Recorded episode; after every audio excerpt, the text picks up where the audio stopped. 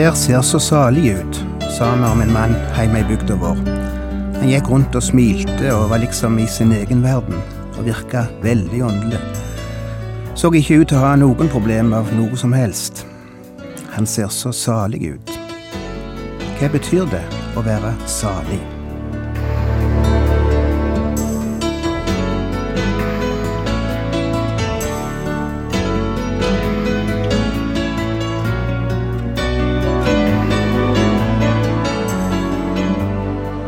Hjertelig velkommen til et nytt program i serien Vindu mot livet.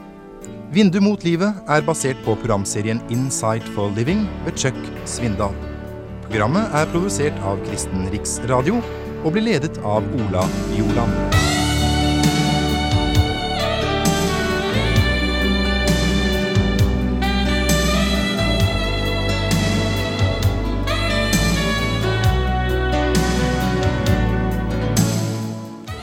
Store taler er sjeldne. Noen av oss har hørt hundrevis av taler i løpet av livet, men bare noen få av disse husker vi.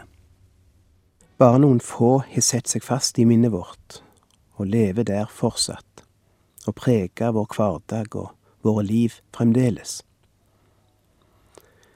Og på samme måte som store taler er sjeldne, tror jeg jeg må si at òg store talere er sjeldne. Talere som heller store taler, og uminnelige taler. Og faren er òg til stede for at når noen heller en stor tale, så har han lett for å begynne å tro på sitt eget stoff, og tro på seg sjøl. Og da går det ikke lang tid før en slik person blir ganske vanskelig å være sammen med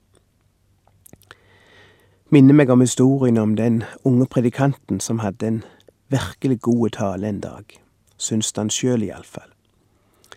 Og noen av tilhørerne syns visst òg det. Og etter møtet var det en av de som kom bort til han og sa, Jeg tror faktisk du er i ferd med å bli en av de største talerne vår generasjon har fostra. Og denne var unge og uerfaren nok til å tru på tøvet. Og han satte seg ved rattet for å kjøre heim etter møtet, og kona satt ved sida, og på veien heim sa han, Vet du, fru Pedersen sa i dag etter møtet at jeg var en av de største talerne i vår generasjon. Hun svarte ikke. Det blei taust i bilen, og hun fortsatte å sjå ut vinduet mens de kjørte. Han fortsatte å fiske etter kompliment, òg ifra kona si, og derfor la han til. Jeg lurer på hvor mange store talere der er i vår generasjon. Da klarte ikke kona å dy seg lenger, men svarte. Jeg vet ikke, men én ting er jeg sikker på. Der er én mindre enn du tror. Ingen tale er noen gang halvt som overgår eller kjem på sida av den talen vi finner i Matteus fem til sju, som Jesus helt til sine disipler på fjellet. Jesus er den største taler som noen gang har levd på denne jord. Og en ting til, han er òg den mest ydmyke. Den største, men samtidig den mest ydmyke i ordets rette forstand. Det har gått 20 århundre siden denne talen ble talt, og generasjon etter generasjon har studert den, og vridd den, og snudd på den, og lyst på den, og forska på den. Og vi er ennå ikke kommet i nærheten av å trenge til bunns i disse udødelige ordene. Det er en merkelig tale. Og hvis du leser den fortløpende, kan du lese den på 15 minutter. Lengre tid tar det ikke å lese gjennom den. Jeg har gjort det flere ganger og tatt tida. Det tar meg ca 15 minutter med vanlig hastighet. Og likevel er disse ordene uuttømmelige. Du kjem aldri til bunns Du kjem aldri til endes. Du blir aldri ferdig med den. Du kan den aldri. Det er mange ting som er annerledes med denne talen i forhold til andre taler vi har hørt. Det er blant annet en del ytre ting som er annerledes. For det første blei den holdt utendørs. De fleste talene vi har hørt, er blitt holdt innendørs, men denne ble holdt utendørs. Og det var for så vidt ikke så uvanlig på den tida. For noen ganger var det så store skarer samla at ingen av forsamlingshusene eller private hus ville ha rommet alle tilhørerne. Derfor møttes de ofte utendørs når Jesus talte. Denne talen blir også holdt uten mikrofon eller forsterkeranlegg. Sjølsagt hadde de ikke slikt på den tida. Kanskje det var derfor at han ofte gikk til stranda når han skulle tale. Gikk ned til sjøen. Fordi stemmen gjerne bærer på en helt annen måte når en er ved sjøen. Den bærer mye bedre over det stille vatnet enn den gjør over landet. Kanskje det òg forklarer hvorfor han i dette tilfellet gikk opp i fjellet for å tale, eller opp i høyden, for at hans stemme kunne bære over til de som satt nedenfor han og lytta til budskapet. En annen ting som er litt annerledes enn slik vi er vant til å høre tale, er at Jesus satt da han talte. Heller ikke det var uvanlig på den tida. Jødiske rabbier satt ofte når de underviste. De sto sjelden. Og hvis du husker det som står i Lukas 2, da Jesu mor kom til tempelet for å le leite etter gutten sin, som var kommet bort for dem, så fant hun han sittende i tempelet og undervise, står der. Sa der blant skriftlærde og rabbier og fariseere, og underviste. Salige er de fattige i seg selv. Slik begynner denne talen. I den gamle oversettelsen står det salige de fattige i ånden. Og det fortsetter med orda salige er de som sørger. Salige er de tålsomme. Salige er de som hungrer og tørster etter rettferdighet. Salige er de barmhjertige. Salige er de rene av hjerte. Salige er de som skaper fred. Salige er de som blir forfulgt. Og så videre. Saligprisningene blir dette avsnitt kalt. Og vi må begynne med å si noe om dette ordet salig som forekommer så ofte i dette avsnittet. Hva betyr det? I engelske oversettelser er ordet oversett med velsignet. Blessed are the poor in spirit. Velsignet er de fattige i ånden. Det første Jesus altså gjør i denne uminnelige talen, er å velsigne sine tilhørere. Han begynner ikke med å advare eller å uttale domsord, men han uttaler sin velsignelse over dem. Nå er det noen mennesker som er veldig snare med å spre om seg med Gud velsigne deg og slike ord, uten at de alltid legger så mye i det.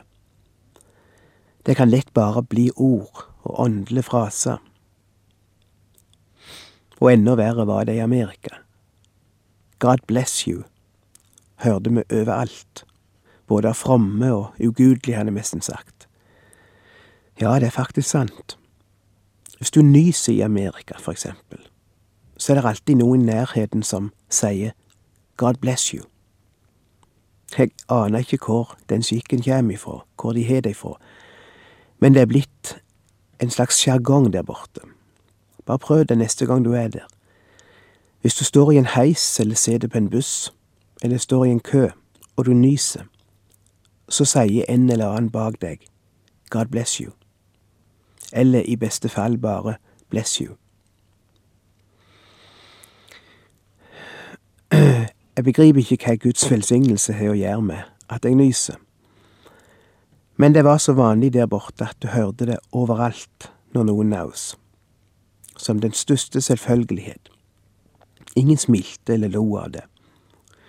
Og når du naus på trikken, og en eller annen fremmede bak deg eller framfor deg svarte med å si God bless you, så svarte du igjen med å si thank you.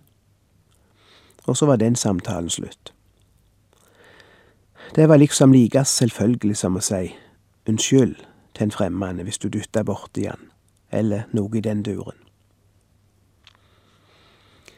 Vel, der ligger noe helt annet i orda når Jesus bruker de her i innledningen til bærpreika. La oss holde oss til den norske oversettelsen av ordet salig. Hva betyr det?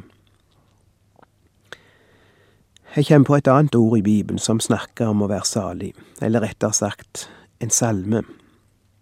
Salme 1. Salig er den som ikke følger ugudelige menneskers råd, og ikke slår inn på synderes vei, eller sitter sammen med spottere, men har sin glede i Herrens lov, og grunner på den dag og natt. Han er lik et tre, plantet ved bekker med rennende vann. Det gir sin frukt i rette tid, og løvet visner ikke på det. Alt det han gjør, skal lykkes for ham. Igjen, hva betyr salig? Han der ser så salig ut, sammen med en mann heime i bygda vår. Han gikk omkring og smilte og var liksom i sin egen verden, virka veldig åndelig. Så ikke ut til å ha noen problem med noe som helst. Han ser så salig ut. Men salig betyr ikke det. Det betyr ikke å være fri ifra bekymringer, eller å alltid ha det godt, eller å alltid gå rundt og smile, og aldri føle mørke eller sorg. Å være salig har ingenting å gjøre med hvordan du føler det, eller hvordan du har det. For disse som Jesus her kaller salige, var nettopp slike som sørga, står det litt lenger nede i avsnittet. Det var slike som var fattige i seg sjøl, står det. Det var slike som blei forfulgt og plaga på mange måter. Det var slike som sulta og tørsta etter noe. Så det å være salig kan ikke ha noen ting med følelser eller lykke å gjøre. Det beste ordet jeg kan finne på norsk til å oversette salig med, er faktisk ordet heldig. Jeg vet det er ikke helt dekkende, men det får fram et viktig poeng.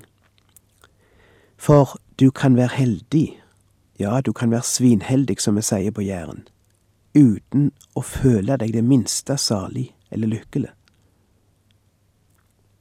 Det opplevde jeg forresten til gangs da jeg lå på sykehus for ei stund siden og gjennomgikk en ryggoperasjon. Det var ikke mye godt, skal jeg si dere. Og etter operasjonen hadde jeg smerte, og jeg var øre og kvalm, og jeg var faktisk litt nedfor. Ikke så rent lite nedfor heller, forresten. Og jeg var ikke forberedt på det. Ingen hadde fortalt meg på forhånd at mange opplever en depresjon etter en slik operasjon. At både narkosen og den langvarige smerten, og ikke minst de problemene jeg fikk med urinveisinfeksjon etterpå, alt dette kan sammen føre til en depresjon. Og det skal jeg si jeg fikk. Ikke, ikke at jeg hadde grunn til å være nedfor. Jeg visste med hodet at jeg var verdens lykkeligste menneske men følelsene mine ville liksom ikke være med på det. Så når de som besøkte meg var gått, og ingen sykepleiere var på rommet, så trakk jeg dyna over hodet og grein som et barn. Det var bare heilt mørkt, heilt svart. Det var så merkelig. Og det er en forferdelig opplevelse. Og jeg måtte tenke på de som opplever depresjon og mørke i måned etter måned. Det må være aldeles forferdelig. For meg var det mest ikke til å holde ut bare de få dagene jeg opplevde det. Men både lege og sykepleiere kom inn til meg etter operasjon og sa du er heldig. Operasjonen har gått så godt og har vært meget vellukka. Du kommer snart til å bli frisk og kan begynne å jobbe igjen. Du er heldig. Og det er det ordet salig betyr. Vet du, jeg følte meg ikke mye heldig der jeg lå. Jeg følte meg slett ikke salig eller lykkelig. Men likevel kunne doktoren si, du er heldig. Og hvis han hadde snakket gresk, så hadde han kanskje brukt ordet makarios, som Jesus bruker her, og som blir oversatt med salig. Forstår du poenget? La meg ta et annet eksempel. Et lignende eksempel. Du besøker en på sykehuset som nettopp har vært gjennom en alvorlig kreftoperasjon, eller hjerteoperasjon. Han er nettopp våkna opp ifra narkosen men du er på forhånd blitt informert om at operasjonen har vært 100% vellukka, og at han antagelig kommer til å bli helt frisk. Og du står ved senga hans og sier, Vet du at du er heldig? Tror du han føler seg heldig? Han føler seg elendig, men han er heldig. Det er hva ordet salig betyr. Det går på en tilstand, ikke på en følelse eller opplevelse. Er det ikke akkurat det som kommer til uttrykk i sangen? Alltid salig, om ei alltid glad, fær eg vegen heim til Sionstad. Om min frelser syng eg glad mitt kva, han har gjort meg salig. Alltid salig, trass eg mang ein gong, misser motet når min veg vert trong. Ennå syng eg glad min nye song, han har gjort meg salig. Og hvorfor er noen av oss salige, sjøl når vi ikke føler oss salige? Det svarer Jesus på nedover i dette avsnittet og det svarer også vers seks på i denne sangen. Alltid salig, for eg har nå fått himmelens sele til min arvelott. Alt av nåde, Gud gjør allting godt, Han har gjort meg salig. Skal vi prøve å sette inn dette ordet, denne oversettelsen av salig som vi har sett på nå, sette den inn i disse versene som vi har framfor oss nå, og høre hvordan de høres ut når vi setter inn denne oversettelsen heldig i stedet for salig. Kanskje det vil gi noen av dere en aha-opplevelse. Heldige er de som er fattige i seg selv for himmelriket er deres. Heldige er de som sørger, for de skal trøstes. Heldige er de tålsomme, for de skal arve jorden. Heldige er de som hungrer og tørster etter rettferdigheten, for de skal mettes.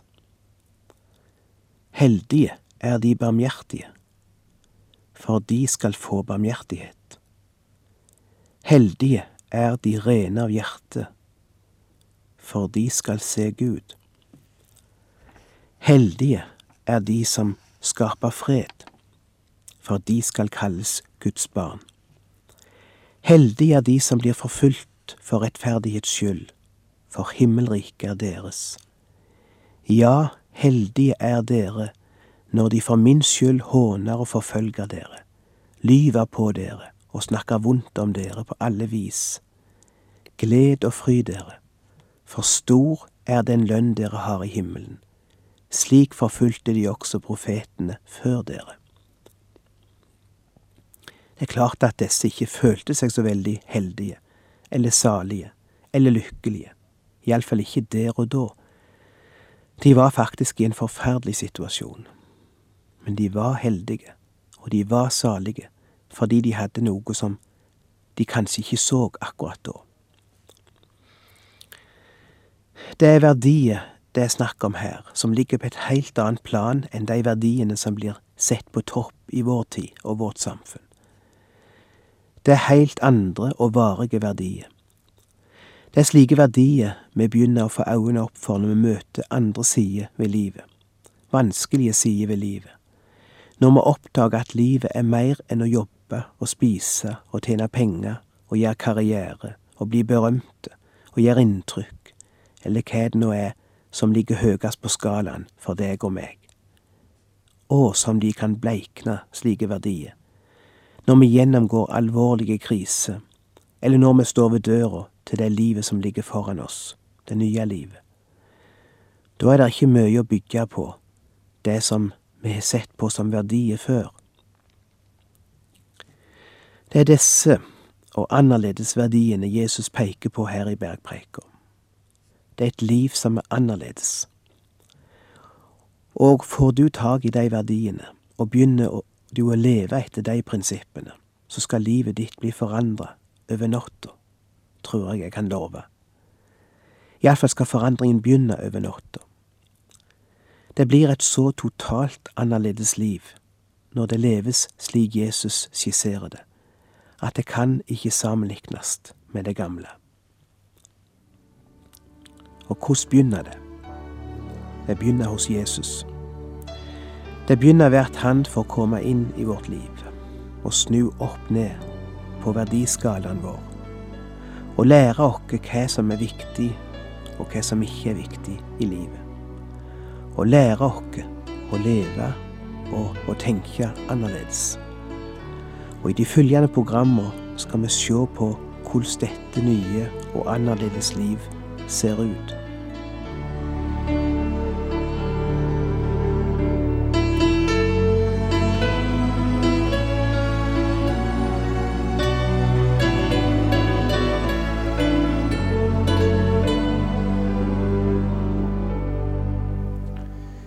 Har lytta til Ola Bjoland i serien 'Vindu mot livet' fra Kristen Riksradios arkiv. Ola Bjoland var ansatt i Kristen Riksradio til han døde i 2002.